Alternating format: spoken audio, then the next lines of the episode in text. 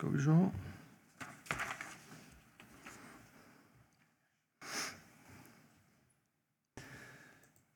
Eh, En annen ting som blir trukket fram, dette her med at vi, vi tenker at, at det er eh, Vi jobber på en sånn måte i samtale at, at vi, vi, vi har flere nivåer. Altså vi, vi, du, kan, du kan gå fra å stille spørsmål og, og på en måte fokusere på å få den til å fortelle. Så kan du gå over til noe helt annet. Prøve å eh, løse opp litt.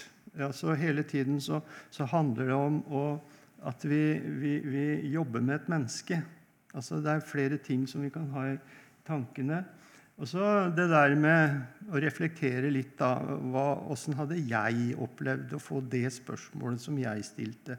Det kan, det kan kanskje noen gang være noe som vi kan reflektere over etterpå. Det er ikke så lett å ta det akkurat når du sitter der.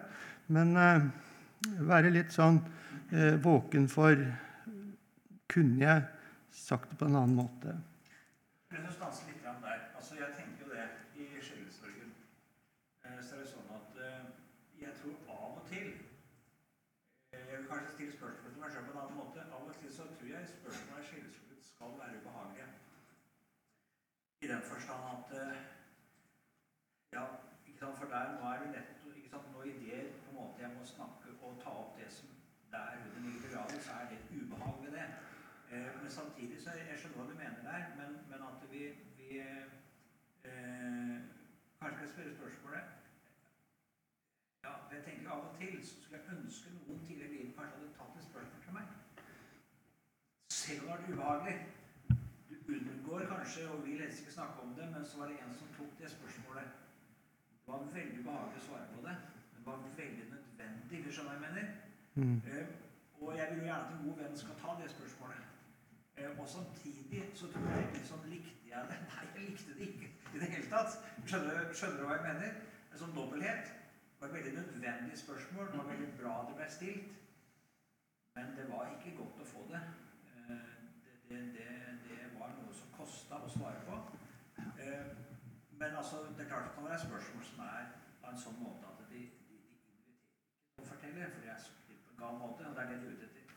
Ja, og, og det er det der med at eh, vi er jo hele tiden observante i forhold til så, så er det noe vi oppdager som vi merker det vil, vil den personen overhodet ikke snakke om. Du spør sånn som det der, der eh, eh, med forholdet til foreldrene. Jo, det er helt fint, sier de med en gang. Og da, da merker du at det, den der gir et lite signal om at kanskje ikke det er så bra. Og så, og så fortsetter de. Vi bare lar de bare fortsette. Men så, så går vi tilbake til det der. Du sa det der med foreldrene dine. Eh, og, så, og så kan du prøve å vinkle det litt fra en annen måte. Det er noe med det at vi, vi oppdager ting, og, så, og da kan vi eh, konfrontere dem, kanskje. F.eks.: Du sa det der i stad som nettopp eh, sier noe om at det er jo ikke så bra. Ikke sant? Hele tiden den der eh, vekslingen, fordi at eh, det er liksom mange måter å prøve å nå fram til det som er årsaken. da. Eh, og Da kommer det litt igjen lytte, bekrefte, samle trådene, sto det på den forrige. Eh, og det blir eh, en liten sånn repetisjon da, på det vi har eh, sagt, men som er altså så grunnleggende viktig, det der med å kunne lytte. Lytte til det de har å fortelle, deres historie. Gi dem tid til å våge å komme frem med det de bærer på. Hjelpe dem til å sette ord på, på, på dette.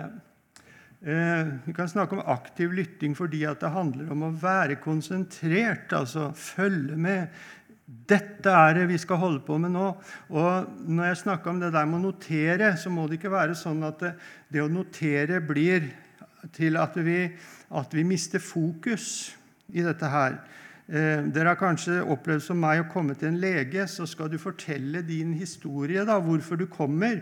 Og så sitter legen og ser en annen vei og klaprer og skriver på, på, på PC-en sin. Og, du får en veldig sterk følelse av at han følger jo ikke med på hva jeg sier i det hele tatt. Eh, mens en annen lege som jeg var hos, han snudde seg i stolen. Så satt han og så på meg hele tida mens jeg fortalte hva som var problemet. Det er stor forskjell, altså. Så sånne ting må vi huske på. Lytte og observere, fordi at det, eh, det er mer enn ord, det er uttrykk. Eh, hvordan, hvordan, de er. altså Er de veldig flakkende i blikket? Er de urolige? Sitter sånn med hendene, eller så skal de hele tida holde på med håret? Eller et eller annet sånt. Det sier noe om deres situasjon som vi skal, som vi skal registrere og ta med i bildet eh, på dette her. Og Da vil jeg si noe som jeg sjøl har erfart da, som veldig viktig i forhold til det å lytte. Eh, noen av de som kommer til oss, de har vært hos andre før.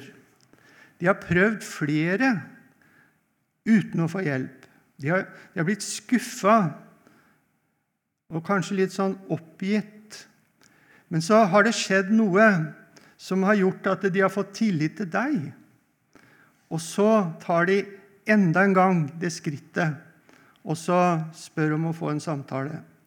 Og Det har noe med at du har vakt en tillit hos dem på en eller annen måte. Kanskje er det noe du har sagt, eller kanskje det er noe de har opplevd som, som har, du har vært med på, og så, og så har dette gjort at de kommer. Men da skal du huske på én ting.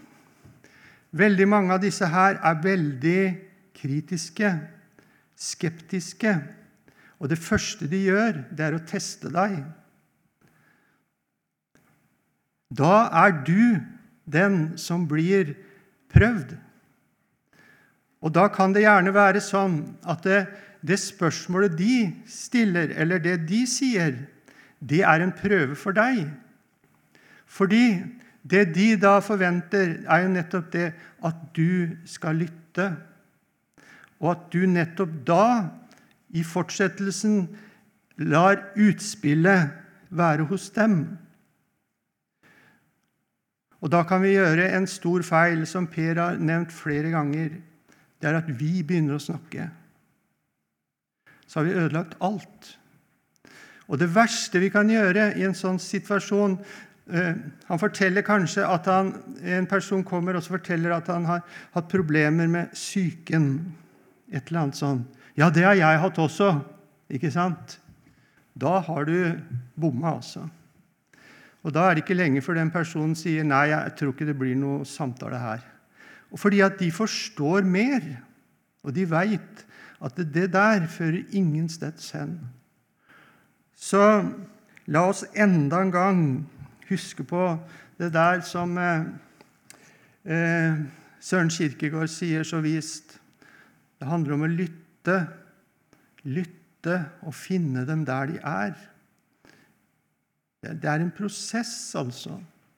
Og vi, Det er så vanskelig for oss det Jeg har ikke tall på alle de gangene jeg har gjort feil altså på det området.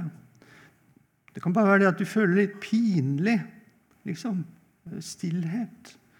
Så må vi liksom si noen ting, da. Så det der med at vi altfor ofte og altfor raskt kommer med gode råd, da. Eh, som vi syns sjøl, da. Jeg hørte en sånn eh, eh som hadde snakka om de samme tingene her. og Han sa det sånn at eh, La meg trekke en parallell til noe som ikke har med sjelesorg å gjøre, men som like fullt kan overføres dit. Når man skal lære opp nye jegere, er det tre ting de får beskjed om å huske når de kommer ut i skogen. Gå sakte, stopp ofte, lytt. Det kan vi ta med oss inn i dette her også. Lytte med medfølelse, det er jo nettopp dette her. Og det er jo noe vi har som kristne, denne medfølelsen. Og så lar vi den få lov til å være der. Eh, omsorgen i det at vi lytter på disse.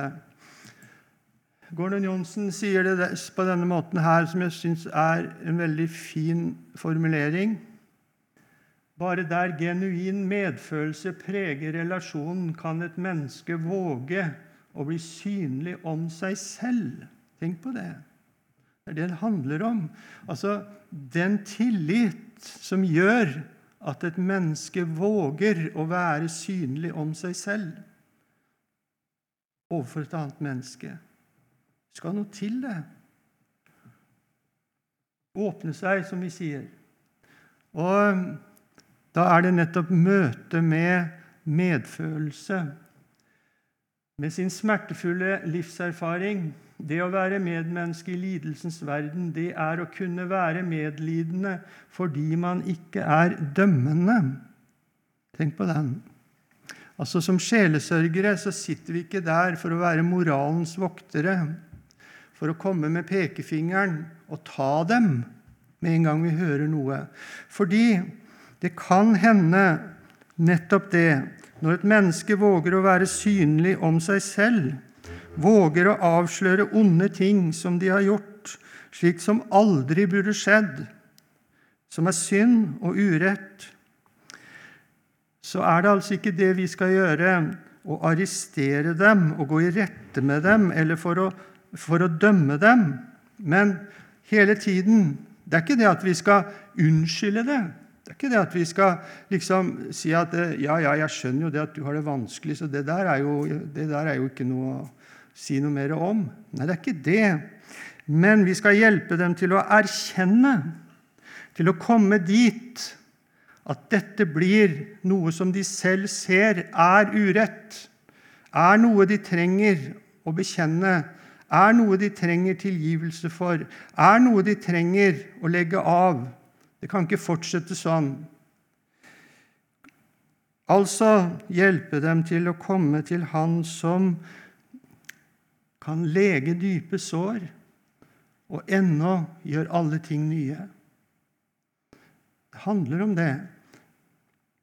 For det, det er ikke det vi, skal ikke ta dem, vi skal få være i sjelesorg med disse her. Og Her er det godt for oss å, å se på Jesus, og nå skal vi avslutte med det. Eh, I møte med den samaritanske kvinna, som vi har vært innom tidligere, så sier jo Jesus til henne, 'Gå og rop på din mann'. Og dermed Jeg la igjen Bibelen min nede, så da får jeg dessverre ikke lest det. Eh, ja. Takk skal du ha.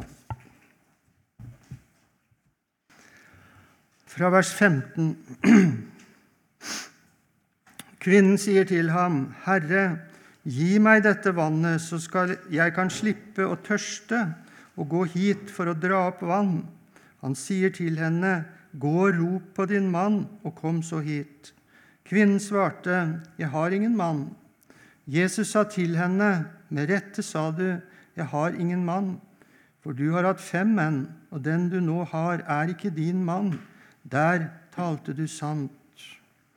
Og så eh, er det et, eh, en setning som denne kvinna sier da eh, etterpå. Kom og se en mann som har sagt meg alt det jeg har gjort. Han skulle vel ikke være Messias? Altså, Når Jesus sier dette, så rører han ved det avgjørende i hennes liv. Det er klart at Denne kvinna hadde mange andre synder også. Men for henne så var det dette som var det avgjørende. Dette syndige, ureine i livet hennes, med at hun hadde levd sammen med flere mann, at hun drev, at hun drev hor. Men så var det også dette hun trengte å bli synlig om. Dette her. Hun svarer unnvikende, 'Jeg har ingen mann'.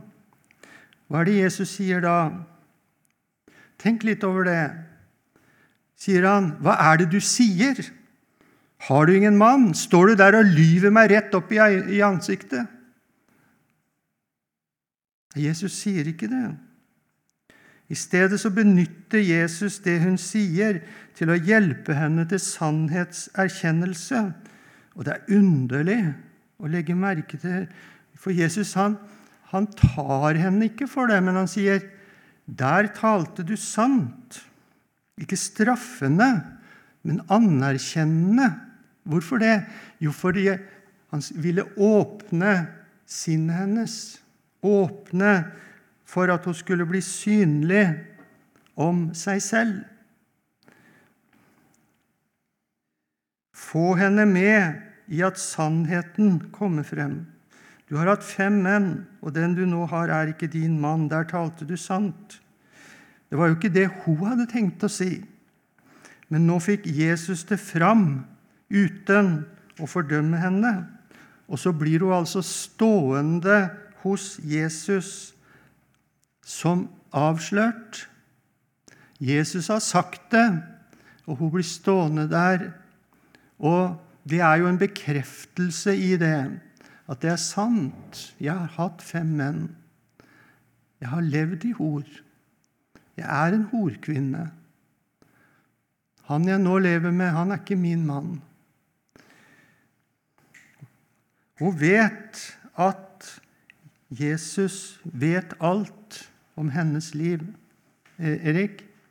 Hvordan vet du at kvinnen ved brønnen ikke oppfattet det Jesus sa, som en avsløring av at hun løy? Jeg har lest den teksten og oppfattet det slik at her traff Jesus samvittigheten slik at hun fikk ikke et ord å svare til tusen. Hun, hun kapitulerte. Derfor så stusser jeg litt ved det du skrev om at jeg tror ikke hun oppfattet det der uten videre som at det var medmenneskelighet og godhet og kjærlighet, men en arrestasjon av hvem som løy, og det så entydig avslørt at det, da stanset det. Ja, Men det var jo egentlig ikke løgnen som var det eh, det, det, var erkjennelsen av det livet hun hadde levd, altså. Og det var jo det Jesus fikk henne eh, inn i. Eh, og, og det er jo det som ligger da, Det var derfor jeg tok med det verset også. Kom og se en mann som har sagt meg alt jeg har gjort. Det var jo det hun opplevde der, altså i møte med Jesus. At det, Jesus gjennom dette, sånn som han, sånn som han møtte henne og, og tok henne, så skjedde nettopp det at hun opplevde at her var det en som avslørte meg og sa og fortalte meg alt jeg har gjort. Sannheten kom fram om alt i livet mitt. Men samtidig så tror jeg da at det ligger noe mer i det hun sier der. Fordi det ligger 'Han har sagt meg alt jeg har gjort', og allikevel fordømte han meg ikke.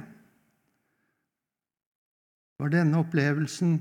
Altså, I det så ligger jo en erkjennelse også av frelsen. Og vi skjønner jo det av hele historien, at det, hun, hun fikk jo også se noe mer. Hun fikk se at Jesus eh, er Messias. Og det underlige i det hun sier da, hun undrer seg over det. Kan det være mulig at han er Messias? Eh, han som har sagt meg alt jeg har gjort, og allikevel så fordømte han meg ikke. Da mener jeg med å si det, da mener jeg det at det, han, han, han, eh, han sendte meg ikke bort, liksom. Sånn som vi kanskje tenker at den burde gjort. Kom deg vekk, jeg vil ikke ha noe med sånne som deg å gjøre.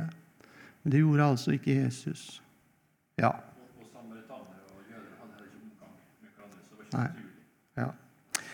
ja, det er egentlig siste ordet fra min munn.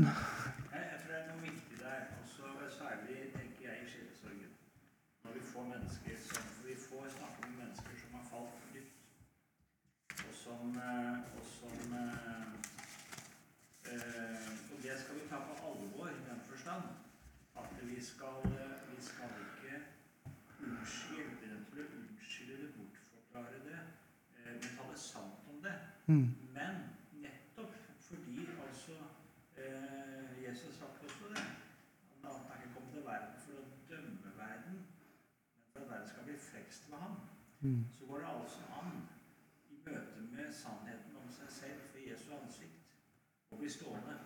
Mm. Ta sin tilfelle det, og der, er, der er det sannheten som gjør fri.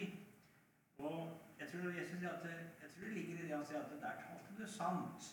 Og så ligger det nok en sånn uttalt her. Det er vel ikke det du pleier å gjøre, men der talte du sant, samtidig som det var jo helt klart du talte løgn. Mm. Men Jesus sier det nettopp av, det du, av den grunn du sier altså nettopp for å, for å Derfor når han nå tar fram dette med at hun har hatt fem menn hun har nå, så, så er det altså sagt på en sånn måte at ikke det er som en avvisning, men nettopp sånn at ja, det er sant, det der. Eh, For å på en måte eh, eh, nettopp understreke den dobbeltheten synden, den står der som synd. Det er ikke din mann. Altså, det er veldig tydelig og klar tale, men sagt på en sånn måte at nettopp ikke det er avvisende. Ja, og Det er jo det som er Hva hva oppnår vi? Hva, hva, hva skjer? Ikke sant? Eh, han, det kunne blitt sagt på en sånn måte at denne kvinna bare forsvant. Ja, så kunne jo Jesus stått der. Ja, nå fikk hun et sannhetens ord å, å, å, å tygge på. Eller et eller annet sånn i den retning. Nå fikk jeg tatt henne.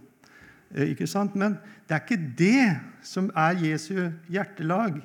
Altså, Hans store glede var jo det at eh, der i Samaria så var det noen som faktisk kom til tro på han og ble frelst. Jesus han, han gleder seg over det. Det ser vi jo her i denne beretningen. Og det er jo sånn det er for oss også. Hvis vi, hvis vi unnskylder og bortforklarer og, og alt det greiene der i forhold til synd, så hjelper vi ikke et menneske til Jesus. Det er ikke det. Men det gjorde hun. Hun unnskyldte. Så hun var jo en kvinne som brøt det sjette bud. Ja, ja. Og så brøt hun det åttende. Ja. Og begge deler avslørte Jesus. Hun ble frelst fra sine synder fordi Jesus avslørte dem for henne. For det gjorde hun ikke sjøl, og innså det ikke før mm. Jesus kom. Mm. Jeg tror, tror kanskje hun hadde en viss Det er noe til dette med fortrengelse av tidligere.